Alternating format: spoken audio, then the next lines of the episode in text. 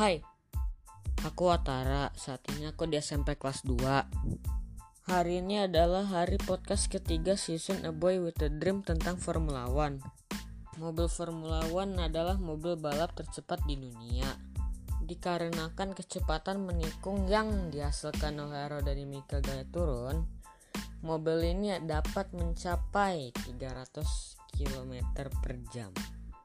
Duh, kenceng banget parah yang dapat dihasilkan oleh mesin tenaga mencapai sebesar 850 daya kuda.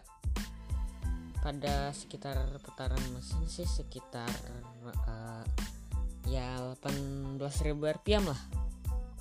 Untuk hari ini sedikit dulu ya besok akan sharing-sharing lagi.